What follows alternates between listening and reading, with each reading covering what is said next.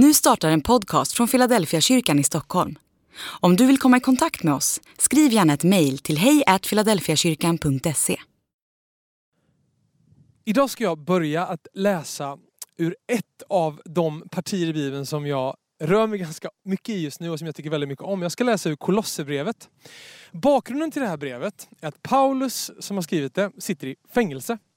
Han gör det ganska ofta och han får i fängelset besök av sin kompis Epafras som har grundat en församling i en stad som ligger i nuvarande Turkiet. Det här är någon gång i mitten av det första århundradet. Och Epafras, han lär ha sagt till Paulus, jag har grundat en kyrka och det går jättebra för oss. Men vi brottas med eh, att kulturen runt om i samhället hela tiden vill dra oss bort från Jesus. Så Paulus skriver ett brev till människor som han egentligen aldrig har träffat. Så här skriver han i Kolosserbrevet kapitel 2 och vers 6. Ni har lärt känna Herren Kristus Jesus. Lev då i honom, med rot och grund i honom, allt fastare i den tro som ni har undervisats i. Och låt er tacksamhet överflöda. Låt ingen göra er till fångar i de tomma och bedrägliga vishetsläror som bygger på mänskliga traditioner och kosmiska makter och inte på Kristus. Ty i honom har hela den gudomliga fullheten förkroppsligats och tagit sin boning. Och i honom som är huvudet för alla härskare och makter har ni nått er fullhet. Amen. Det finns ju hur mycket som helst i den här texten att lyfta. Eh, jag ska inte göra det nu, men jag vill att vi ska ha med oss den här texten lite som en bakgrund för det jag nu ska säga. Jag ska berätta två korta anekdoter om människor jag har träffat senaste tiden. Först och främst så träffade jag, eller jag hördes med en kille från min uppväxt för ett tag sedan. Hans farfar hade dött, jag fick veta det, så jag hörde av mig och beklagade sorgen. Vi har inte haft kontakt på ganska många år, men vi har liksom massa gemensamma minnen från uppväxten och sånt där. Och så visade det sig att, att han eh, bodde bara något kvarter från där jag bodde idag i Stockholm. Han hade liksom sen vi eh, Eh, sen vi liksom sågs så, så hade han pluggat på annan ort. Och så när vi liksom hade lite kontakt så insåg jag att vi handlar liksom i samma matbutik. Vi ska strax återkomma till honom.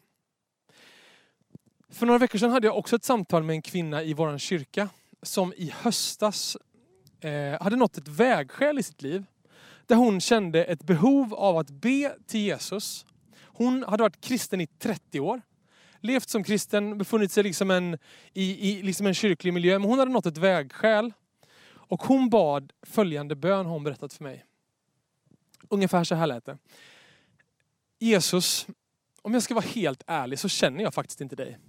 Jag vet vad du har gjort. Jag har hört tusentals predikningar. Eh, jag lyfter händerna i lovsången. Jag vet vad pastorn säger. Jag har mött dig vid ett antal tillfällen och känt den heliga andes närvaro. Men om jag ska vara helt ärlig så känner jag inte dig. Och jag orkar inte med det här längre. Det är jobbigt att vara kristen. Det är svårt att vara kristen. Jag vill ha en levande relation med dig, Jesus. Det bad hon. Efter att hon har varit kristen i 30 år. Hon hade bett många gånger. Hon, hon hade koll på hela prylen. Men hon kände liksom ett desperat behov av att få en levande relation med Jesus. Och vet du vad hon då beskriver? Hennes ord. Att från det att hon bad den bönen så började liksom en resa över vintern och våren här. Där hon beskriver att hennes liv har blivit förvandlat. Jag tänker på hennes förhållande med Jesus fram till i höstas. Att det lite grann liknar förhållandet till den här kompisen som jag hördes med från min uppväxt. Jag har liksom koll på vem han är. Vi har en del minnen ihop. Ehm, men det blev tydligt när vi hördes nu att vi hade ingen levande relation med varandra. Även om jag liksom kände honom eller känner honom. Han fanns dessutom i min direkta närhet. Vi handlade liksom på samma mataffär. Men jag hade liksom inte gjort någon notis om att han fanns nära mig hela tiden. Så här tror jag att det är ibland för människor som kallar sig kristna. Om vi ska vara helt ärliga, och det, ska vi väl vara, så är det inte alltid lätt att vara kristen. Vi befinner oss i en kultur idag som snarare liksom tillber det som är skapat. Har du tänkt på det? Snarare än skaparen själv. Och då blir ju Paulus brev till de här kristna superaktuellt för oss idag. Tänk på vad han skrev, det första jag läste. Ni har lärt känna Kristus Jesus. Lev då i honom, med rot och grund i honom, allt fastare i den tro som ni har undervisats om. De han skrev till befann sig ju i samma utmaning fast i en helt annan kontext. Ett av mina bästa Youtube-klipp just nu ska ni alldeles strax få se. Det är en keyboardist som börjar spela. Det här är faktiskt en gudstjänst. Saxofonisten har på något sätt missuppfattat tonarten och börjar spela i en helt annan tonart. Jag lämnar över till klippet i några sekunder.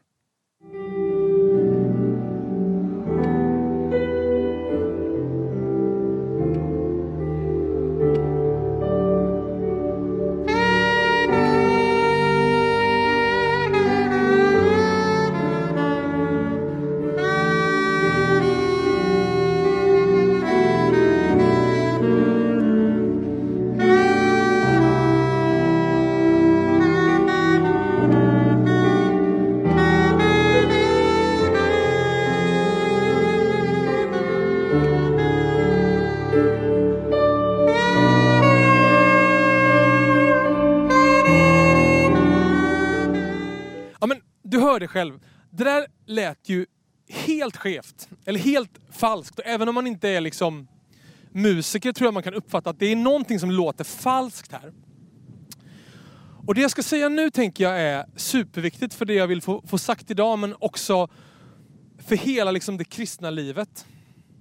Många bibelord och löften i Bibeln klingar falskt och skevt om man inte läser dem i ljuset av en levande relation med Jesus. Någon har sagt idag, och det här är ett ganska sorgligt citat, men många, det, det är någon som har sagt idag att den, det största problemet för vissa kristna idag är inte att vi är syndare inför Gud, utan att vi snarare är främlingar till honom. Så otroligt sorgligt sagt. Men jag tänker att bakom allt det som vi ser, om jag brottas med kulturen i kyrkan, att jag har svårt liksom med hur, hur saker och ting är i kyrkan, med religion och allt sånt där. Eller om jag brottas med att jag eh, liksom är, liksom är för upptagen av kulturen i samhället. Men bakom allt det som vi ser står en levande Gud som längtar efter att genom sin heliga Ande ha en relation med dig och mig. Och har vi inte det så är det någonting som kommer låta falskt när vi läser ordet, när vi läser skriften. Om vi har en relation med Jesus eller inte så kommer det påverka hela vårt liv. Jag tänkte faktiskt ge ett, ett ganska personligt exempel från mitt eget liv. Det finns ett bibelord som op, liksom ofta upphöjs som ett av de här om de fantastiska, eh, fantastiska orden och liksom löftena. Det står i Filipperbrevet kapitel 4. Jag ska läsa det nu. Jag vill att du ska ha med dig att under en tid i mitt liv när jag läste det här ordet så gav det mig typ bara dåligt samvete. Jag vill att du ska ha med dig det när jag läser det nu och så ska jag utveckla det sen. I Filipperbrevet kapitel 4 står det så här. Gör er inga bekymmer för något, utan låt Gud i allt få veta era önskningar genom åkallan och bön med tacksägelse. Då ska Guds frid, som övergår allt förstånd, bevara era hjärtan och era tankar i Kristus Jesus. Det är ett fantastiskt bibelord, absolut. Men under en tid i mitt liv när jag läste det här så fick jag bara dåligt samvete. Varför? Jo, det fanns en tid när jag flöt runt i någon typ av frikyrklig subkultur. Och jag hade överhuvudtaget ingen levande relation med Jesus. Alltså frikyrkligt föreningsliv stod mig upp i halsen. Det gav mig överhuvudtaget ingenting att vara med i kyrkan. Förutom att det fanns människor där jag verkligen tyckte om. Men jag hade ingen relation med Jesus. Så när jag liksom skulle tillämpa det här bibelordet jag precis läste, gör er inga bekymmer, kom till Gud, så fick jag dåligt samvete. För det blev så tydligt att jag inte hade någon relation med Jesus. Jag kom och bara, jag behöver hjälp med det här och det här och det här. Förlåt också för att jag aldrig pratar med dig annars. Typ så. Men sen hände någonting i mitt liv. Jag, jag bad typ den här bönen som den här kvinnan bad som jag berättade om. Jesus, jag pallar inte det här mer. Jag vill bara ha en, jag vill ha en relation med dig. Det kristna livet ger mig ingenting. Och så fick jag börja min resa. Och sen en nyårsnatt för ett tag sedan så låg jag i min säng och jag hade faktiskt ja, men lite vånda inför det nya året. Jag brukar gilla nyår men det här, den här natten var inget bra. Jag låg och liksom var orolig för saker som låg framför under året. Och så kom jag att tänka på det här bibelordet. Gör er inga bekymmer.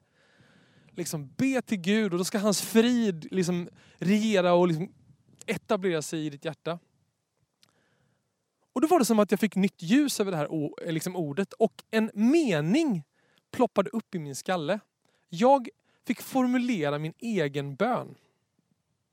Och den här formuleringen som jag, som jag liksom, eh, vad ska man säga, eh, bad eh, fram eller liksom fick till mig den här natten använder jag än idag, typ varje dag. Jag ska dela den med dig nu. Den lyder så här. Jag struntar i allt. I alla fall idag ska jag vara nära Jesus. Jag struntar i allt. I alla fall idag ska jag vara nära Jesus. Det är så fett lätt att gå vilse. Jag vet inte vad det är som drar dig bort från Jesus, om det är kulturen i kyrkan eller utanför kyrkan. Och du får använda vilken formulering du vill. Men låt orden från Kolosserbrevet som jag läste i början bli till verklighet i ditt liv. Alltså rota dig, grunda dig i Jesus och i relationen med honom. För annars kommer Bibeln klinga falskt och du kommer inte få ihop det hela. En relation med Jesus en dag i taget. Jag klarar inte mer än en dag i taget. Jag säger till mig själv, i alla fall idag ska jag vara nära Jesus. Jag struntar i allt annat. Jag tänker att det är där allting börjar. Vi ska nu få lyssna på en sång alldeles strax. Och det är sången Blott en dag.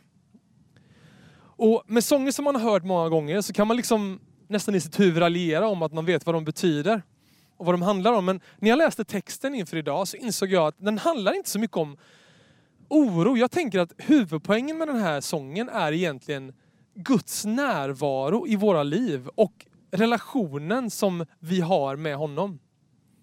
Blott en dag, ett ögonblick i sänder. En annan vers börjar, själv han är mig alla dagar nära. Hjälp mig då att vila tryggt och stilla. Det där handlar ju om en relation och ingenting annat.